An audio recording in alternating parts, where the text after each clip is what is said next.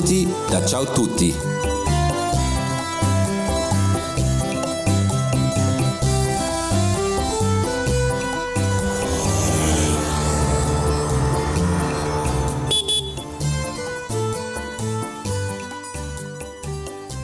Welkom bij Ciao Tutti's podcast. In deze aflevering neemt Inge de Boer je mee naar Milaan, de stad van mode en design, van de indrukwekkende Duomo en de risotto alla Milanese. Inge woont en werkt in Milaan en laat je kennismaken met een heel ander gezicht van de stad. Ze vertelt dat er weliswaar geen grote rivier door Milaan stroomt, zoals de Tiber in Rome, de Arno in Florence en Pisa of de Adige in Verona, maar dat Milaan toch een heel bijzondere geschiedenis heeft als het op water aankomt. Met in de hoofdrol niet alleen de Navigli, maar ook Leonardo da Vinci, die een grote rol speelde bij het aanleggen van de Milanese waterwegen. Milaan is de tweede stad van Italië, gesticht door de Kelten in 600 voor Christus en later overgenomen door de Romeinen, die het tot hoofdstad van het westelijk deel van het Romeinse Rijk omdoopten. Er werd flink gebouwd. Een keizerlijk paleis, een theater en amfitheater, een renbaan, termen. Mediolanum, zoals de stad toen heette, werd een soort Rome in het klein, maar met minstens één groot verschil: het ontbreken van een rivier. Dit was heel uitzonderlijk, want in die tijd werden steden vooral rondom rivieren aangelegd. Niet alleen vanwege het gebruik van water voor de persoonlijke hygiëne en voor de landbouw, maar ook om mensen en goederen over te kunnen vervoeren. In vele gevallen was de rivier de motor van de economie. Er was en is echter wel heel veel water rondom de stad. Beken, rivieren en natuurlijk de bekende meren. Misschien ben je wel eens van een van deze meren, Maggiore, Como of Garda, naar Milaan gekomen? De twee belangrijkste rivieren die net buiten Milaan stromen, zijn afkomstig van deze meren. De Ticino in het westen, die vanaf het Lago Maggiore komt, en de Adda in het oosten, afkomstig van het Como-meer. Beide rivieren monden uit in de Po, de grootste en bekendste rivier van dit deel van Italië, dat ook wel bekend staat als de Po-vlakte. Het gebied wordt gekenmerkt door de grote hoeveelheden water en de vruchtbare landbouwgrond. Dankzij deze kenmerken worden producten als risotto en de bekende kaas Grana Padano al eeuwenlang rondom Milaan geproduceerd. Terug naar de rivieren, de Ticino en de Adda en hoe deze uiteindelijk in Milaan terechtgekomen zijn.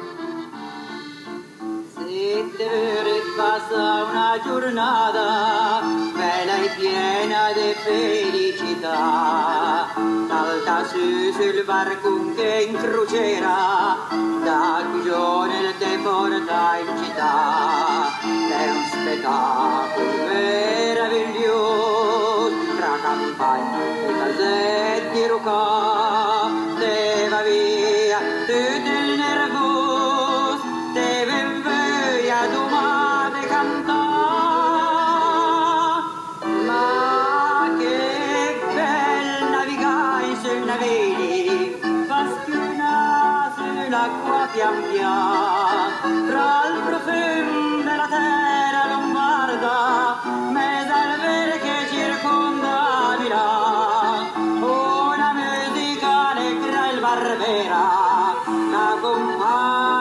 l'accompagna fino a porta cinese, e la finisco alle sera, la crociera di Milanes. Aan het einde van de 12e eeuw is men begonnen met de aanleg van het Naviglio Grande, het eerste en grootste kanaal van de stad. In eerste instantie functioneerde deze beek, want dat was het al eeuwenlang, als verdedigingslinie om Federico Barbarossa buiten de deur te houden.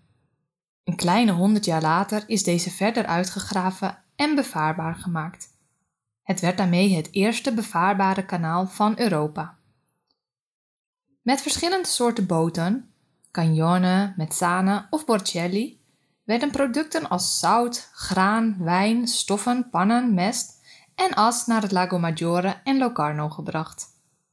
Op de terugweg, die stroomafwaarts ging, brachten de boten bouwmaterialen als marmer, graniet en hout maar ook wijn, kazen, vis en vee naar Milaan. In 1386 startte men met de bouw van de Duomo.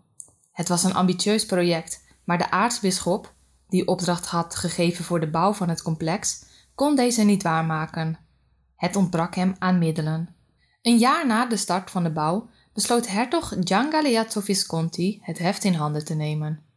Hij richtte de Veneranda Fabrica del Duomo op, het bouwbedrijf dat verantwoordelijk was voor de bouw en nog steeds het onderhoud van de Dom van Milaan verzorgt. Ook besloot Visconti dat de kathedraal met marmer bekleed en gedecoreerd moest worden. Hij bezat een groeve in Candolia aan het Lago Maggiore.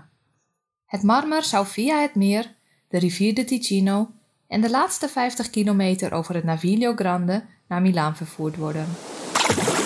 Aufe. Om de reistijd zoveel mogelijk te beperken, kregen alle boten die marmer vervoerden de letters AUF, oftewel Ad Usum Fabricae, op de boeg. Over de materialen hoefde geen belasting betaald te worden, waarmee de boten dus een keer minder hoefden te stoppen. Ondanks dit duurde de tocht toch zo'n zeven dagen lang. In de ruim vier eeuwen erna werden ook het Naviglio della Martesana, dat vanaf de rivier de Adda aan de noordwestzijde de stad inkomt, en het Naviglio Pavese, dat Milaan met Pavia in verbinding stelt, aangelegd. Milaan werd daarmee een waterrijke stad die, zoals Stendhal later zei, in verbinding stond met de rest van de wereld.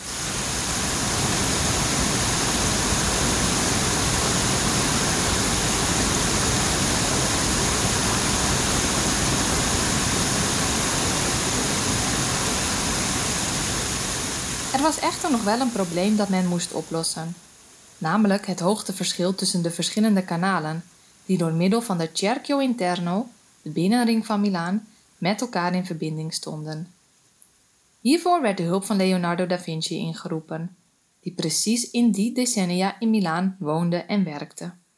Om hier meer over te weten te komen, gaan we naar het Museo Nazionale della Scienza e Tecnologia Leonardo da Vinci waar eind 2019 de grootste permanente tentoonstelling over Leonardo da Vinci werd geopend. Je luistert hier naar verhalen over zijn leven, ziet zijn schetsen, bewondert modellen en kan originele Porte Vinciane bewonderen. Want het was Da Vinci die het sluizensysteem in Milaan ontwikkelde.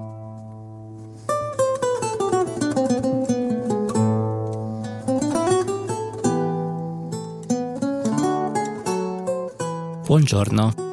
Sono Claudio Giorgione, il curatore delle Gallerie Leonardo e con piacere vi vorrei accompagnare nella visita delle gallerie e nella loro conoscenza. L'ingegneria idraulica lombarda era, all'arrivo di Leonardo a Milano, senz'altro una delle scuole più avanzate di tutta Europa. Milano non aveva un fiume, non aveva il mare ed è per questo che fin dall'età romana, ma soprattutto dal Medioevo, eh, si dotò, grazie all'opera di valenti ingegneri idraulici, di una serie di canali artificiali che portassero nella città l'acqua dei due fiumi principali che scorrono a relativamente poca distanza da Milano. Verso ovest il Ticino, con la costruzione tra XI e XII secolo del Naviglio Grande, e verso est l'Adda, con la costruzione nel XV secolo del naviglio martesana. Ma nella città stessa numerosi canali interni regolavano lo spostamento delle cose e delle persone, rendendo così un problema, quello dell'assenza di un grande corso d'acqua, in un'opportunità con il sistema di canali, i navigli, che permettevano di trasportare con velocità ed efficienza materiali. Claudio Giorgione, curator van de tentoonstelling, vertelt dat de waterbouwkundigen in Milaan altijd al een van de meest vooruitlopende ingenieurs van Europa waren. Milaan had geen kanalen en lag niet aan de zee, en daarom begon men al in de Romeinse tijd, maar nog meer vanaf de middeleeuwen, met het aanleggen van kanalen om zo het water van de twee belangrijkste rivieren rondom Milaan naar het centrum te brengen. Een probleem werd omgebouwd tot een kans, waarna men via de kanalen die door de stad stroomden snel en efficiënt materialen en personen kon vervoeren. Quando Leonardo arriva a Milano nel 1482, nella celebre lettera scritta a Ludovico il Moro, scrive anche suo modo di condurre acqua da un loco a un altro. Ma conoscendo ormai il suo atteggiamento è abbastanza fantasioso, possiamo invece dire che proprio a Milano lui imparò a condurre acqua da un luogo all'altro, studiando l'opera degli ingegneri idraulici lombardi, soprattutto quella di Bertola da Novate, ingegnere che tra il 1456 e il 1471 aveva costruito il naviglio Martesana. Toen Leonardo da Vinci in 1482 in Milaan aankwam, schreef hij een brief aan Ludovico il Moro, de toenmalige hertog van de stad. Daarin beschreef hij onder andere hoe hij het voor elkaar kreeg om water van de ene naar de andere plek te verplaatsen.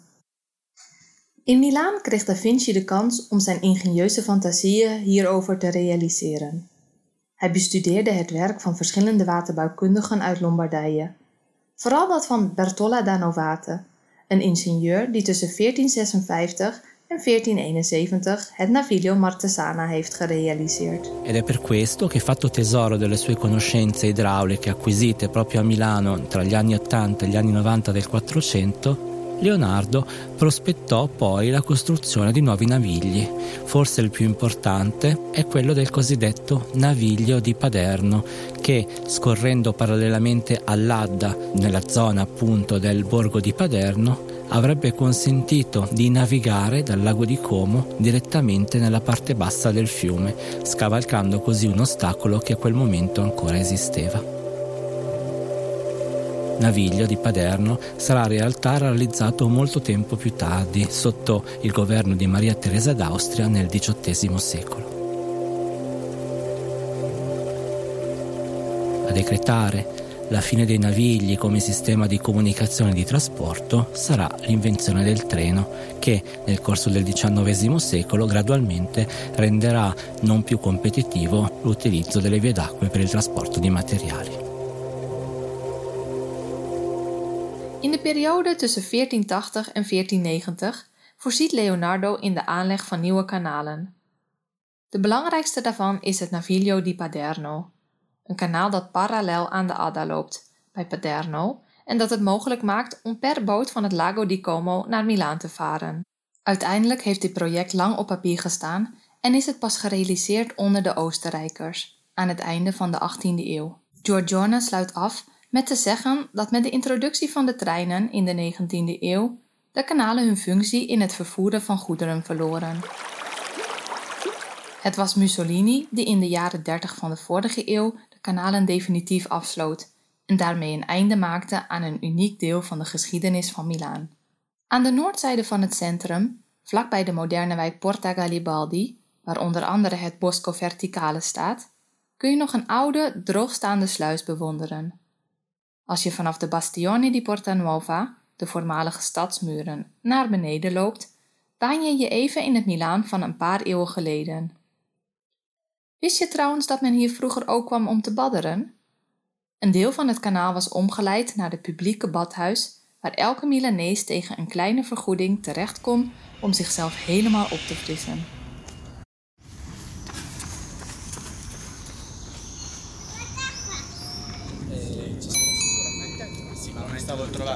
stavo trovando, una stavo trovando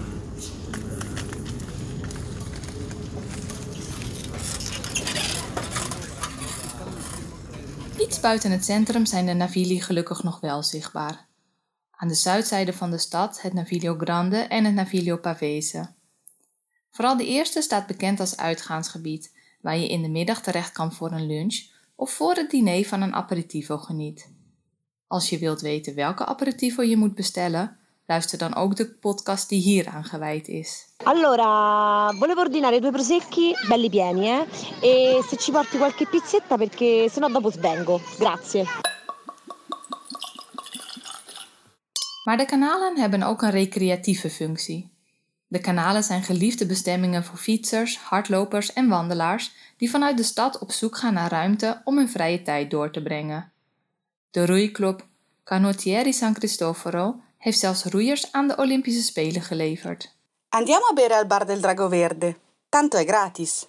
Mocht je tijdens je bezoek aan Milaan dorst hebben, dan kun je je fles vullen met het water dat uit een van de fontanellen komt. Er staan er zo'n 500 verspreid over de stad, maar de belangrijkste is die op het Piazza della Scala, vlakbij het gelijknamige theater en tegenover het stadhuis van Milaan.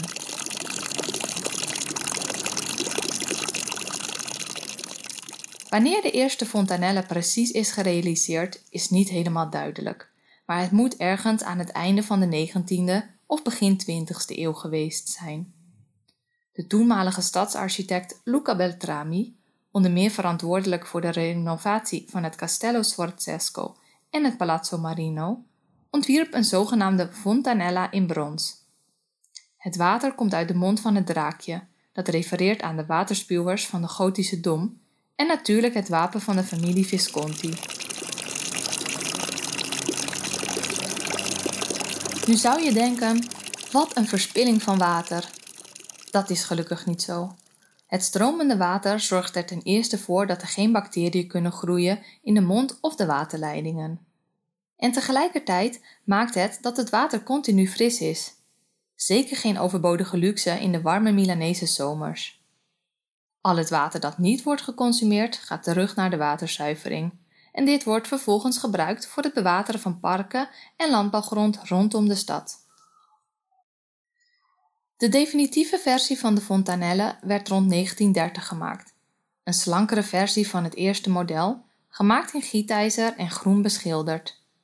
Natuurlijk mag het logo van de comune di Milano niet ontbreken. Er staan er 500 verspreid over de stad, meestal in parken, op pleinen, bij speeltuinen en op kruisingen van belangrijke straten. Vedovelle, Dragoverde, Bar del Comune. De fontanella heeft behoorlijk wat bijnamen. Vedovelle, omdat ze net als een weduwe, vedova in het Italiaans, continu huilt. Dit om ervoor te zorgen dat bacteriën geen kans krijgen. Dragoverde, vanwege de spuitmond in de vorm van een draak en de groene kleur van de fontein. En Bar del Comune, omdat het water gratis is. Dus net zoiets als het Nederlandse gemeentepils. Cin cin, salute. Heb je zin gekregen om meer van Milaan te zien? Te weten te komen wat Da Vinci in Milaan heeft gerealiseerd? De oude waterwegen te ontdekken en samen met mij te proosten met het water uit de Fontanella? Kijk dan voor meer informatie over mijn stadswandelingen op milaanmetlocal.com. Grazie voor het luisteren naar deze podcast. Heb je genoten van alle waterverhalen uit Milaan? Laat het ons dan weten via een recensie in je favoriete podcast-app of via onze social media kanalen. Wil je meer weten over Milaan of andere plekken in Italië? Kijk dan eens op ciaotutti.nl en geniet van alle verhalen die we daar voor jou verzameld hebben. Alla prossima! Tot de volgende keer!